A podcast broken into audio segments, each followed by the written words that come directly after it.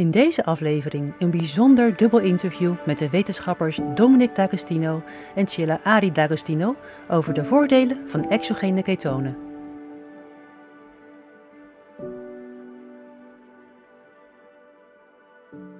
Well, welcome, Dom and Chilla D'Agostino. Welcome to the Keto Podcast. Uh, we're here at the Keto Live event at Bergün in Switzerland. Um, uh, it's a five day conference, just jam packed with uh, uh, lots of great speakers talking about topics on the ketogenic metabolic therapies. Um, and you're both speakers here too. And I'd like to thank you for taking the time for this interview. And I'd also like to thank the, the organizers, uh, Josephine and Stefan, for giving me the opportunity to, uh, to talk to you here today. Um, like I said, it's my privilege to, to, to talk to you both. And I feel like I already know you really well because I've heard many podcasts and interviews and heard a lot about you uh, as well. Uh, but for the Dutch and the Bel Belgian audience who don't know you yet, could you shortly uh, introduce yourselves? Uh, I'd like to start with you. Um, could you introduce yourself, uh, tell us a bit more about what you do? Yeah, sure. Uh, we are very happy to be here too uh, mm. at the Keto mm. Live event. So, uh, my name is Csilla Ari D'Agostino, and I'm originally from Hungary. I moved to the United States 13 years ago, and I have a PhD in neuroscience. Uh, and I'm an assistant professor currently at the University of South Florida. And we do research on ketogenic therapies, metabolic therapies, exogenous ketones. Uh, we are working with astronauts, with NASA, with the Navy, uh, extreme environment missions. So we have a lot of lot of projects going on. Yeah. Mm-hmm. And I saw, uh, I heard that you always went uh, underseas in, in, one of the subs. Yes, yes, both of us wow. uh, participated in, in those uh, missions. It uh, was a NASA Extreme Environment mission operation uh, 22 and 23 that we participated in. And uh, we basically lived underwater uh, for 10 9 days wow. continuously. And we did uh, simulated spacewalks basically simulated extravehicular activities going in and out of the habitat and then after uh, that we returned to the surface and we obviously we did we did a lot of lot of research yeah mm-hmm. wow during that must period. be very exciting to do that yes yes it was it was super exciting and uh, for me it was especially very exciting to work with some very professional people like for for example Samantha Cristoforetti and Jessica Watkins mm-hmm. uh, were part of my mission and they just came back from the international space station so they were basically training to go to, to space. So they, they we actually used that habitat and that mission to simulate space missions. Wow. And that, uh, there's a big role for, for ketones there, I learned. So that's uh, that's really interesting. Yes. So yeah. so ketones would have a big potential uh, during for for space travels uh, for for different reasons. So that's another interesting area of research. Yeah. Mm-hmm. Oh, amazing! Thank you. Uh, and Dom, um, I feel like I really know you really well somehow, but uh, could you tell us a bit more about uh, who you are and what you do? Sure. Uh, well, thank you for having me. I appreciate the opportunity to be on your podcast. Uh, my background is actually originally in nutrition. That was my passion uh, as an undergraduate at Rutgers University in the United States, New Jersey. Uh, then I transitioned to study neuroscience and physiology. Mm-hmm. Uh, the, the physiology of the neural control of autonomic regulation. So, how our body responds to hypoxia and uh, oxidative stress. And I studied that uh, for my PhD. And then went on to a fellowship funded by the Navy to study extreme environments, including hyperoxia in the underwater environment. And that led me down a path to uh, develop and test different mitigation strategies that could enhance our safety, performance, and resilience in these environments.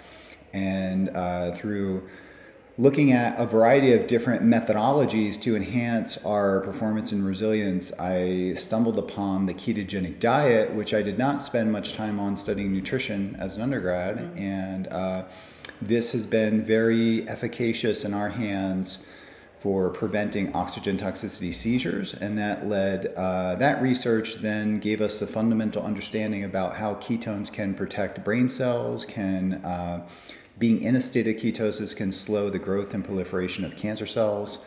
Um, and you know, we do. I do this research. I should take a step back at the medical college at the University of South Florida. So Mm-hmm. I spend quite a bit of time teaching uh, at the undergraduate level, master's level, PhD level, and also medical students.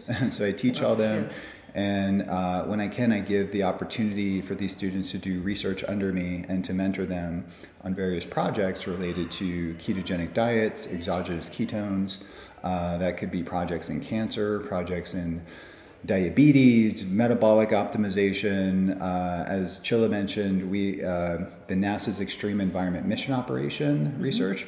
Our students played a, a big role in helping to conduct uh, research. Csilla was instrumental in getting five IRB protocols of research on that mission. So we did uh, an enormous amount of missions spearheaded by Csilla on that. Uh, I was the original uh, participant in NEEMO 22. Kjell Lindgren, uh, who just came back from the space uh, station a little while ago, was one of my commanders for that mission. Uh, but it gave us the opportunity to move the science of what we do in the lab uh, into uh, operational environment. And me myself, I stayed in ketosis throughout that operational mission and did a variety of scientific experiments on myself and the crew. Yeah. And did you stay in ketosis uh, through diet or through exogenous ketones? Uh, it was a combination of both, but I would say mostly driven by the diet. I think I used ketones sparingly, but I did use them throughout, especially different times when we have to do an oxygen pre breathe prior to decompressing to come back up to the surface. Um, but yeah, my foods were, yeah, chicken, coconut oil, you know, it's just uh, nuts and things like that. And I stayed in a very uh, austere diet, I guess you would say. Uh, I did lose during that 10 days about seven pounds uh, even despite eating my normal caloric intake of close to 38 to 4,000 calories per day. I, I lost quite a bit of weight, and I think that had to do with doing extravehicular activities in the water. Uh, the cold, colder water, it becomes cold after a period of time, increases your metabolism. So I noticed after doing these things, I would be shaking for uh, the cold exposure. It was very physically demanding. It was physically the whole, demanding, whole, yeah. Mm-hmm.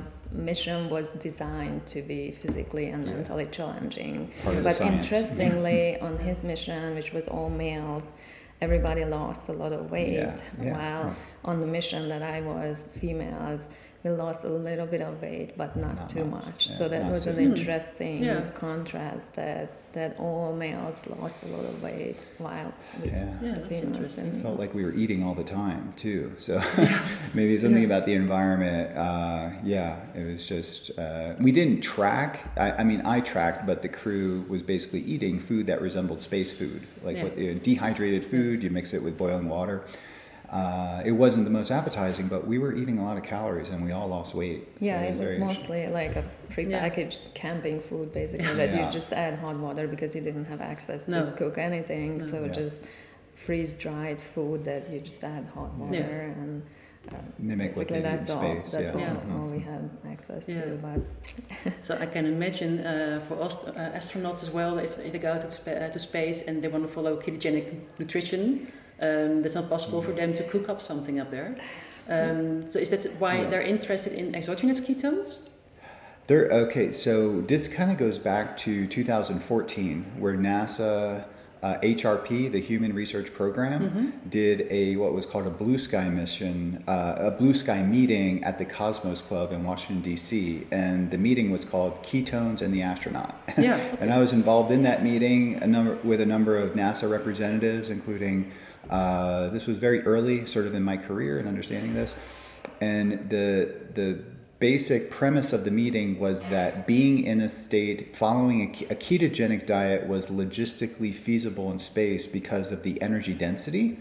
That was one thing that the engineers liked. You could get more calories per gram, but the ketones also offer remarkable neuroprotection uh, and even protecting your genome in those environments. So there was six different research scientists, and I was one that presented different data on ketones, and that started a series of different workshops on this idea of um, ketosis for extreme environments. And another one was funded by a collaboration between the Navy and NASA because there's a lot of overlap between living in these habitats. So, a submarine habitat or a confined environment, an extreme environment in NASA. So they collaborated on different meetings. So there has been a number of different meetings which led to technical reports that went to the federal government to suggest to suggest that a ketogenic diet and ketones could be beneficial for long duration space flight. And this was done through, uh, spearheaded in part by the Institute for Human and Machine Cognition, or IHMC, and Ken Ford is the director of that. And he was a former director of NASA and also on the Defense Science Board for the president. So he has sort of uh, initiated this, uh, this idea of using ketones in space, yeah. which is uh, not fully embraced, but is part of there's an understanding that there could be an option for astronauts to eat low carb and to eat ketogenic if they prefer that, to have food options that would be available for Yeah. that path. Yeah. Wow, Mhm. that'd be amazing. Yeah. Yeah, um, and I think uh, I suppose you both know lots and lots and lots about uh, uh, ketosis, ketogenesis, uh, exogenous ketones. Uh, but I have a couple of questions for the for the public who are um, either professionals or just um, interested. Um, and they're about uh, uh, exogenous ketones and also measuring ketones. Um, and the thing that strikes me the most, that many people think that it's not natural to take exogenous ketones. Uh, it might even be tota- totally nonsense to, to do that. Um, uh, that uh, it's fake ketosis. Um, but why would it be interesting to take ketones, exogenous ketones, for, for any kind of condition? Perhaps you could uh, specify on that. Do you want to be? Well, uh, there are obviously many, many benefits to elevate uh, ketone levels in the body, starting from neuroprotection and, and a lot of, lot of different benefits. Uh, and what we experience from people from getting feedback that many people have difficulty keeping the diet long term. Hmm. So maybe people try it, maybe they can keep up with the diet for, for short term, but long term they have difficulty to keep up. The other option people can do is fasting, but obviously not everybody can do fasting. For example, patients with cancer and Mm. Uh, obviously, there is a limitation how long people can fast, and then once you don't don't fast, your ketone level is not going to be elevated. Um, the other issue that sometimes we, we come across that people think that they are following the ketogenic diet, but they are not. So Yeah. it's it's very hard for many people to understand how much and what they can actually eat to to be really in in ketosis from the ketogenic diet. It doesn't help that many brands, many companies come out that you can buy products with keto written on it and it's actually not keto it's No. still elevating your, your glucose level so people get disappointed that the diet doesn't work for them or they cannot do it long term but still they want to enjoy the benefit of the ketone molecule that can do so many good things in your body Yeah. then it's an option to take the ketones from an exogenous supplement source Yeah. uh, so it also helps people to transition to the ketogenic diet. So when somebody decides to switch from uh, standard diet to a ketogenic diet, there is a, a transition period uh, for a few weeks when your body doesn't get glucose, but it doesn't Mm. produce ketones yet. So then in this transition period, it, it's very helpful to, to get extra ketone from an outside source. So, so there are, there are many many different applications. Yeah. Yeah. I, I think it's important too when we talk about the subject that the history of exogenous ketones, which is very interesting. Uh, it was mostly spearheaded by Dr. Richard Veech. Uh, he was a student of Hans Krebs, Mm-hmm. Yeah, yeah. and he was probably the leading expert that I can think of uh, that really spearheaded many different research tracks on metabolism, and one of them being his most passionate research track, I think, was ketosis or ketones and the favorable metabolic benefits you get from uh, ketones. And he was funded by DARPA, and this goes back to the 1990s. Uh, through a program on warfighter dominance and warfighter performance. So the original application for exogenous ketones was a ketone ester for warfighter exercise performance and Yeah. physical and cognitive performance.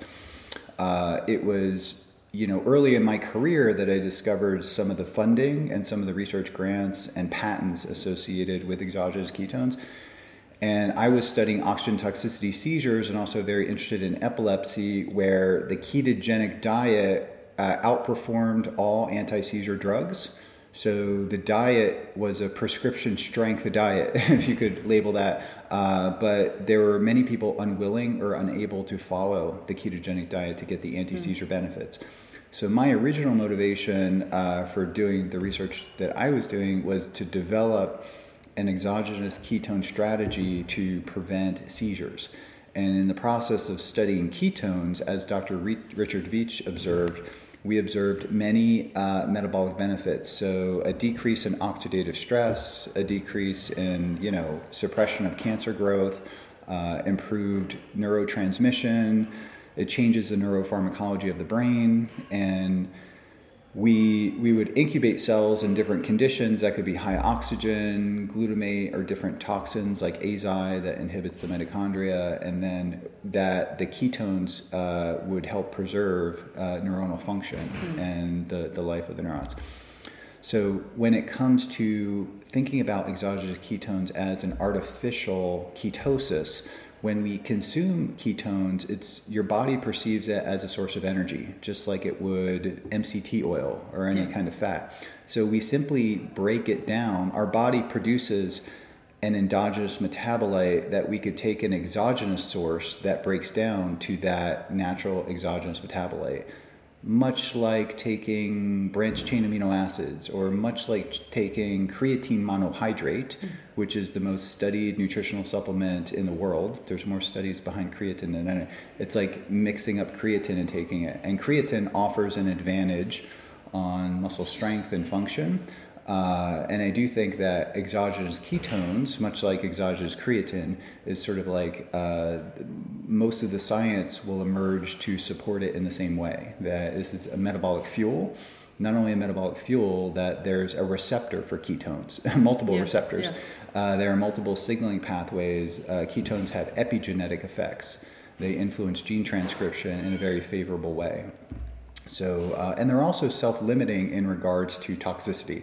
So, for example, with ketone salts, you can't overconsume ketones unless it's a ketone ester. But with the ketone salts that we're mostly interested, you can't overconsume it and go into a state of ketoacidosis because no. it'll be rate limiting the amount you can absorb. Yes. So much like MCT oil and ketosis. Yeah. Yeah. Okay, that was one of my questions, but I'm, I'm going to ask it now. Uh-huh. Um, when you take exogenous ketones, does it uh, uh, block your own endo- endogenous ketone production? Mm-hmm. Does it happen at all? No. Well, only in the case of consuming a large dose of a ketone ester. So when we consume exogenous ketones, it actually upregulates the ketolytic enzymes and the ketone transporters. The presence of ketones in the blood and in the tissues will actually increase and upregulate the metabolism of ketones. So we know that, and there's literature on that.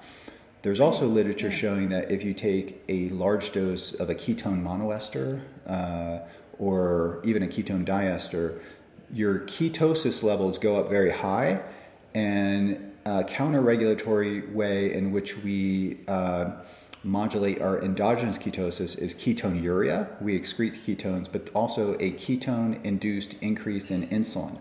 So as our ketones get elevated, the pancreas will release a little bit of insulin, and that feeds back to the liver. And beta oxidation of fatty acids in the liver are part of ketogenesis. So mm-hmm. that feedback mechanisms of ketone-induced pancreatic endocrine release of insulin feeds back to the liver and then reduces ketogenesis.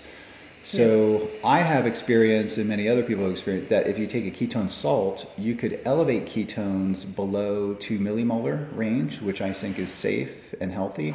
But once you get spike it quickly above two millimolar, it releases insulin, and then that will uh, with that will, with a ketone ester, yeah. and that won't.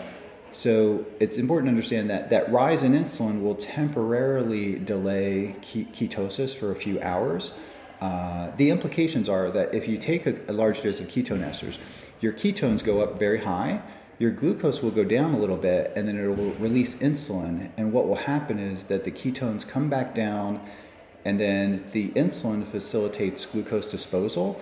So you will be hypoketotic and hypoglycemic Yeah. a few hours later, and that could trigger a headache. Hmm. So, or that could trigger negative symptoms. Whereas a gentle rise in ketones from MCT oil, or more favorably ketone salts, maybe mixed with MCT oil, you get a nice rise in, in ketosis, like a natural ketosis that doesn't stimulate insulin and then does not change your body's ability for making ketones. Okay. And then, so I have actually consumed larger doses of ketone ester, which can shut off your exogenous, or your endogenous ketones, and then stop taking it. And then my ketones level will be low for a couple hours, but by the end of the day, if you're fasting, they'll come back up again. Yeah. So ketone salts do not shut down uh, ketosis acutely. Ketone esters do, but when you stop it all together, uh, you know, within the days after that, your body is actually probably ramped up better to Yeah. actually make ketones. We, we also see in, in more and more projects that there is a range that is optimal. Like there is Yeah. a misconception that everybody thought that elevating your ketone level as high as possible that's the best thing you can do. Much And like see- glucose, like Yeah. higher is not better. Yeah, Actually, so we see in, in multiple projects that there is a range, so you don't want to elevate it too high either. So what we see is Hmm. maybe one to two millimolar is the is the is the Yeah. good healthy range Yeah. for, for Yeah. most people. Yeah. Obviously, if there is some kind of disease condition that like epilepsy that would require a little Yeah. bit higher, but Yeah. but for most people you don't want to elevate it higher than two millimolar Mhm. because Yeah. then the body will start having like compensatory mechanism. So And that's Exactly, kind of yeah. what happens naturally with like a keto carnivore diet or just like, you know, a, a, a med- modified ketogenic diet that's higher in protein. I do think that the clinical ketogenic diet that's four to one or three to one is very extreme. Yeah. And that was, in recognizing this early on and realizing that we need to have some alternative strategy for developing therapeutic ketosis. So that was the motivation. But as time went on, we realized that just simply carbohydrate restriction with, you know, a more of a, uh, instead of a protein restriction, more moderate protein diet that's 25, 30% protein even, that high, is as long as carbohydrates are restricted, that that's sufficient enough to produce a mild state of ketosis. So that could even Yeah. achieve one to two millimolar. But many people like to include uh, ample amounts of vegetables and fruits and maybe even some starches into their diet. And that would surely bring them out of ketosis. They may be an optimal diet per se, but they would not be get, getting the metabolic, anti inflammatory, and epigenetic benefits of mild ketosis. So you could simply add in some exogenous ketones, you could add in MCT oil if you can tolerate it. Many people can't. But, but achieving, following a healthy diet that's non ketogenic, but adding ketones in can have favorable changes in our physiology, in our brain, in cancer suppression. So these are things that we're really interested in, not only treating disease, but also preventing disease. Yeah. Yeah, it's really interesting. Um, and I was uh, thinking, you, you said um, uh, tolerable, uh, as long as someone Yeah. can tolerate it. Yeah. Uh, I've, uh, I've heard from several people they had some problems taking uh, uh, either uh, the esters or the, the salts, Yeah. uh, like GI uh, problems or uh, Mhm. headaches. Um, Yeah. i- i- Would that be a reason to s- MCT stop? too. MCT, Yeah. yeah, MCT, Yeah. true. the That's- MCT is used clinically, problem. and that's a problem with that. But then, yes, so she could talk so, about so, the. so yeah. the problem with the MCT is that, that most people can only tolerate a, a very low dose, and if you want to induce uh, more elevated ketone levels, then it's hard with, with MCT because most people just can't tolerate it. Yeah. Uh, there are GI issues. With the ketone ester, the problem is that the, the taste is very bad. It's many people say it's like jet fuel, Jet or fuel, yes, kerosene Yes. and it's like impossible to flavor it. So every single product is just tastes terrible, and again, many people just can't can't tolerate it. Yeah. With ketone salt, uh, there are different variations. So it depends on the formulation, how it's formulated. Some of those products can cause GI issues, but it is possible to formulate it in a way that it doesn't cause GI issues. So, so that's our Yeah. preference that Yeah. uh, a well-formulated ketone salt will not cause this kind of side effects. Yes. Oh, good. And you have your own brand? Developing your own products? Yes, yeah. yes. So over the years, I obviously I became inspired, seeing all the results, all the science, all the benefits that these molecules can do.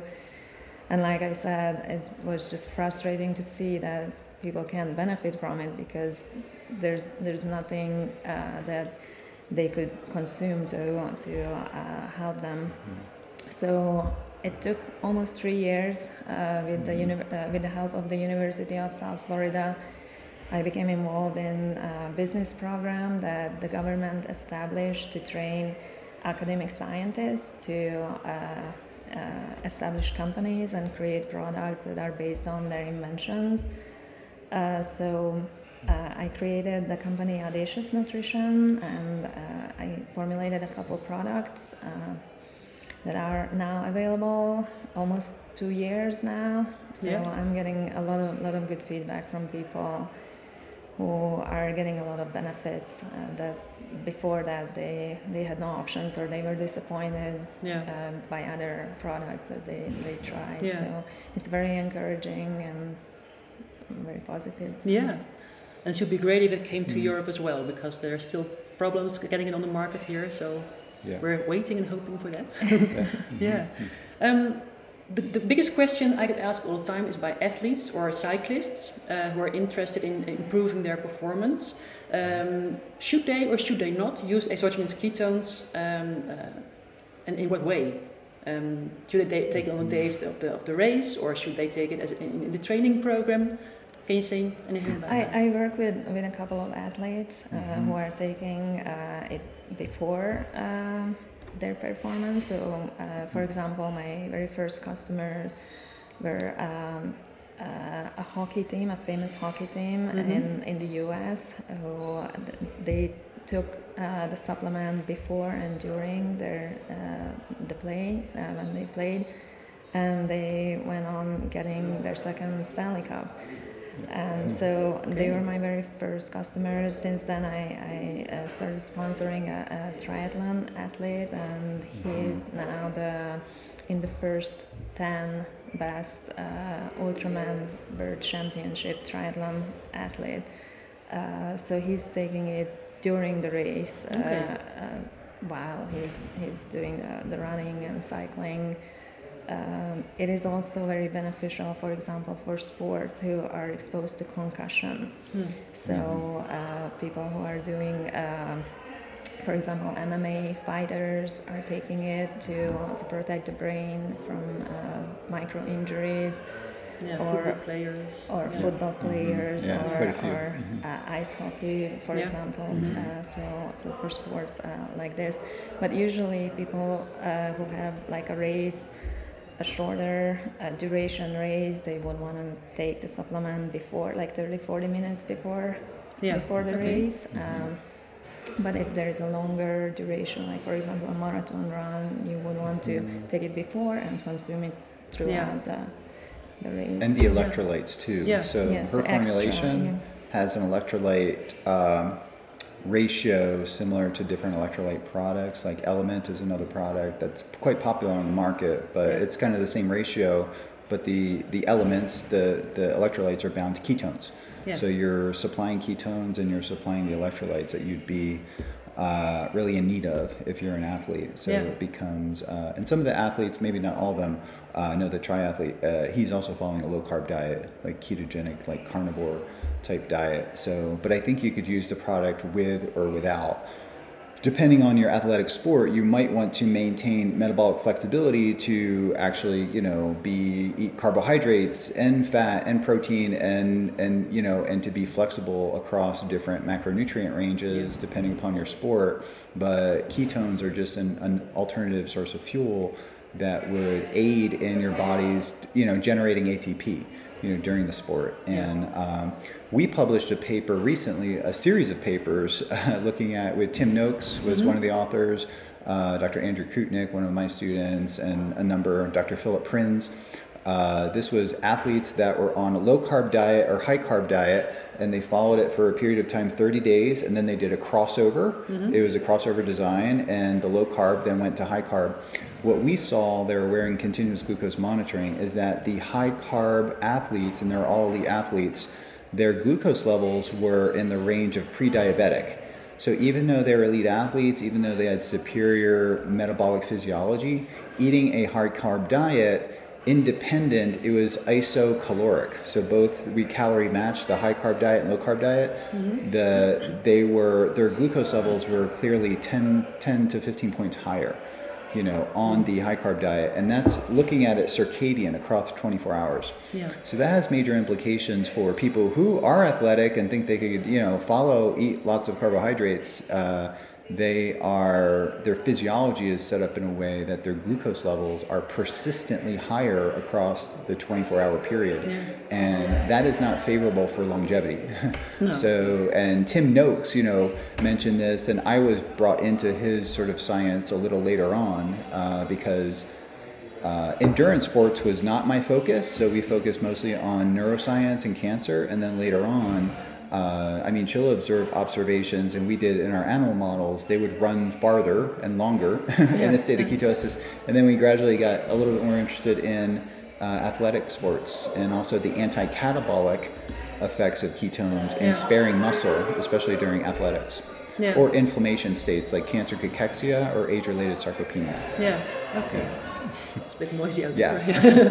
um, the thing I was wondering about is um, uh, I, I was trying to uh, find information um, about uh, the use of uh, ketones for uh, athletes, especially cyclists, for example, yeah. because that's, that's quite hot in, in Europe for the, yeah. for Tour de oh, France, oh, yeah. for, for, example. And I read something about uh, oxidative priority, um, and that exogenous ketones come before glucose. Mm -hmm. um, and I read somebody saying, "Oh no, I would never ever touch uh, ketones on the day of the race because they block my own utilization of the glucose." Mm -hmm. There's absolutely no evidence of that. Okay. But there is evidence that if you're on a ketogenic diet, a very strict ketogenic diet, that will ultimately restrict the glycolytic pathways. So that includes, uh, there will be a decrease in the glucose transporters and a decrease in the production of pyruvate dehydrogenase complex and the activity, the catalytic activity mm. of that enzyme. So the implications are that if you're a very, very low carb, and then you consume high carbohydrates, your glucose levels will go up higher and your body will not use it as as efficiently. Yeah. So it may be the implications are for athletes that it may be good to keep in carbohydrates at least to a certain level so you have that metabolic flexibility because if you completely eliminate carbohydrates and then try to introduce them during an event, you are in some way decreasing your metabolic flexibility. Yeah. So it may be good to stay low carb and keep your body for hungry for carbohydrates instead of being so carbohydrate restricted that you're being so it's not like one or the other yeah. and then uh, but your body always has the ability to use ketones we have the physiology we have the ketolytic enzymes we have the monocarboxylic acid transporters so that we have the ability to transport and utilize ketones one is not more favorable over the other unless you have a defect in glucose metabolism. So that happens, for example, uh, many neurodegenerative diseases are pathophysiologically linked to impaired glucose metabolism. For example, Alzheimer's disease, a hallmark characteristic is glucose hypometabolism in the brain. So, in that case, or in the case of traumatic brain injury, the ketones or the brain would favorably use ketones over glucose just because the pathway to go from the bloodstream to the mitochondria to make energy is not rate limiting as it would be for glucose. Yeah. Well, that's good yeah. to know. That's mm-hmm. yeah, yeah, yeah. Especially for the for the cyclists because I got so many questions. Yeah, yeah. It's very yeah. mm-hmm. unclear for most people. Yeah. Okay, I have uh, one more question. I've been thinking about myself for quite a long time and never found the answer to because um, um, measuring ketones, you can do that in urine, you can do it in blood, you can do it in, uh, in breath. Mm-hmm. Um, I'm totally okay with the urine and the blood measuring, but the, the, the breath measuring, uh, that's where yeah. you measure acetone. Yes. And I always thought um, that the fruity smell that people uh, have when on their breath when they, they first go into ketosis, that has to mm-hmm. do with mm-hmm. acetone. Acetone. Yes. Uh, and that disappears within weeks usually. So mm-hmm. I always thought, okay, acetone apparently goes, yeah, it disappears. Mm-hmm. But I understand that in the breath measuring, that you actually still measure keto, um, the acetones. Is that correct? Uh, so I was wondering, yeah. how can this be? Do you still measure uh, uh, acetone ketones in, in the in the breath even mm-hmm. after a long period of time? Yeah. Uh, so when you initially, I think what you're getting when you initially start a ketogenic diet, the ketones can build up in your system, and many people experience a decrease in blood, urine, and breath ketones with time because your body is adapting to use ketones a little bit more efficiently uh, over time. And also, we have, uh, yeah, the ability to, uh, yeah, essentially use them for fuel over time. So in the beginning, they may build up, but the, and many people do experience a rise in blood, a rise in ketones on the urine strips, uh, but breath ketones are uh, so we're still trying to figure out really breath ketones some companies will tell you that they're highly correlated with yeah. blood ketones uh, and that's true if you're in an isocaloric state which means your calories match the calories that you're burning but if you are in a calorie deprived state or a fasting state what we observe is that there's an, a rise in acetone that we don't fully understand and a decrease in beta hydroxybutyrate because our bodies uh, is hungry for energy. So we're sucking more beta hydroxybutyrate out of the blood and using it for energy. Mm-hmm. so when you're fasting sometimes that'll happen but the breath acetone will be proportionally higher to blood beta hydroxybutyrates in the context of calorie restriction or in a fasting state. But in a eucaloric diet they seem to be matched. Uh, this is like personal observations that i've made other people I communicate and talk about this with, like Dr. Peter Attia, did the mm. same thing, and a number of people that communicate with me. So there's an interesting biochemistry behind ketone production as it relates to beta hydroxybutyrate, acetoacetate, and acetone that we don't fully understand. Okay. But I do think under normal conditions that breath, if your breath ketones are elevated, you're in a state of ketosis. Okay. If your urine ketones are elevated on the strip, you're in a state of ketosis. Uh, but blood may be the best biomarker to use. Although, if for fat loss, I think breath acetone has been correlated better in the literature with fat loss. There's some indication, and also breath acetone is highly correlated with uh, seizure control. Okay. So I do think that breath ketone measurements are a legitimate tool for that, okay. and, I, am very interested in to kind of stay. Um, you know, up to speed on that. But I, I still gravitate towards blood because I like the GKI, yeah. the glucose ketone index that the Keto Mojo yeah. uh, product gives. Yeah. Uh, to that, I would like to add that when you measure your blood ketone, the current technology can only measure one en- enantiomer, the D BHB, yeah. mm-hmm. but it doesn't measure the L uh, BHB. So in products, for example, mine uh, I use both L and D enantiomers because both have different roles and both have different benefits. But when you measure from your blood the BHB content, it's only going to register the D. So basically, the other half of the BHB yeah. is in your system and doing its job, but you can't detect yeah. it uh, with the with the current technology, with the current uh, blood ketone meters and then it looks like you have a lower um, uh, ketone level in your blood. Yeah, yeah, you, would see yeah. lower, but yeah, yeah. yeah. Basically, you can yeah. double it because L yeah. enantiomers can more uh, go to the brain, for example, which have uh, mm-hmm. additional benefits. Uh, they more likely go to the muscle again uh, than than the D enantiomer uh, they stay around in the blood longer than it's the like D. a time release BHB. So basically, for example, if you want to manage uh, inflammation, any kind of chronic inflammation or neuroinflammation, that that again a more important molecule. Yeah. Uh, so just just mm-hmm. so uh, people know that uh, when they see the the blood ketone measurements, then there's something else hiding in your body that yeah. it's not uh, measuring yeah. right now. And the body does make L, but there's a racemase enzyme that will convert uh, D to L, but uh, we make small amounts of L. But with a supplement, we're able to get a little bit higher levels that stay around longer. And then the L eventually kind of enter will transition back to D, like about 20 to 40 percent. It's kind of under yeah. debate, but there's an interconversion from L to D. But the important thing is that instead of spiking up and going out, there's more of an extended elevation in the blood and in the tissues, and it's hitting the ketone receptor. There's probably epigenetic effects, and there's anti-inflammatory effects of the molecule that are replicated with DNL. Yeah. So that's very important, I think, for the things that we study, the yeah. pathology, but maybe also for sports too. Yeah. Well, good to know because I, Yeah. I know there were people um, uh, comparing products, and there's the, Mhm. the one with the 100% uh, DBHB, Yeah. mhm. and they say, well, uh, I have higher ketones on that one, but they only measure Yeah. half on the, the racemic mix. Then, Yeah. yeah. Yeah. But for Yeah. example, I talk to people who would take a supplement only with the uh, trying to treat migraine and it doesn't do anything, no. and Yeah. probably that's the reason they tried uh, uh, the keto star uh, supplement. And they, they said in 20 minutes Mm. their, their the, the worst uh, migraine Yeah. they had just disappeared like multiple times, so repeatedly. Yeah. So Most maybe our- that yeah. that can be a reason. We are not sure yet, but because this one has L, which uh, more likely goes to the brain and the muscle, while uh, the D would uh, mostly uh, go to the liver. Yeah, to the energy. Uh, yeah. system. Our publications, which are dozens of publications, actually use this racemic mixture. Yeah. So we have actually the very first ketone that we tested was the D enantiomer of a ketone ester, and it did not have anti-seizure effects.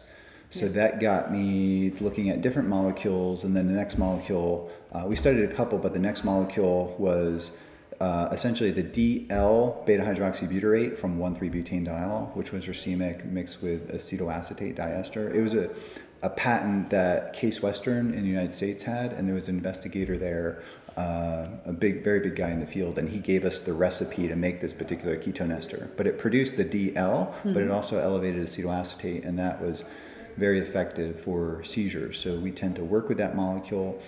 It's unpalatable and hard to tolerate, so we gravitated after a couple years gravitated to investigating ketone salts Yeah. and started seeing that these molecules are maybe a more natural way, uh, palatable way, tolerable way to deliver ketosis. So Yes. we've been mostly mostly focusing on balanced electrolyte BHB salt preparations. Yeah, and also more accessible for the for the public. Absolutely. Yeah, Yeah. yeah. Yeah. Cost wise, taste wise, palatability, and also efficacy. I think over time we're developing these to be as potent as ketone esters. Yeah. Well, it's very interesting. I'll just Yeah. definitely keep following it. Yep. Uh, so thank you so much for your time and for doing this interview. Um, where can people find you both uh, on the internet or on social media? Yeah, Mhm. both. Uh, yeah. Yeah, sure. Through uh, through uh, my company, Audacious Nutrition. Uh, there's a contact form. If you have any questions, just feel free to uh, email. Um, Keto Yeah. Nutrition uh, is our website. Uh, ORG. sign Mhm, up yeah. for the newsletter. All our social medias are on there, I think, and uh, we also have a blog where we write about all these different topics that we're talking about. Yeah, Yep. great. Mhm. Yep. Okay, well, thank you so much. I hope you enjoy your, your the, the rest of your days here in the, at the uh, Keto Live event in Switzerland. And uh, well, I hope to talk to you again one day. Thank you so much. Thank you Thank very you. much. It's Thank a you. great opportunity. Appreciate it. Dit was een hele bijzondere aflevering van de Keto Podcast met twee wereldberoemde wetenschappers op het gebied van ketose, exogene ketonen en ketogene en metabole therapieën. Ik ben heel dankbaar dat ik de gelegenheid heb gekregen hen te interviewen tijdens het Keto Live Event in Bergun in Zwitserland. Mijn dank gaat dan ook uit naar het team van European Keto Life Center onder de bevlogen leiding van Josephine Barbarino. Wil je meer weten over het event of over deze organisatie? Kijk dan op hun website www.european-keto-live-center.com en de link vind je ook in de show notes. Dankjewel voor het luisteren en wie weet tot de volgende editie van Keto Live in Zwitserland.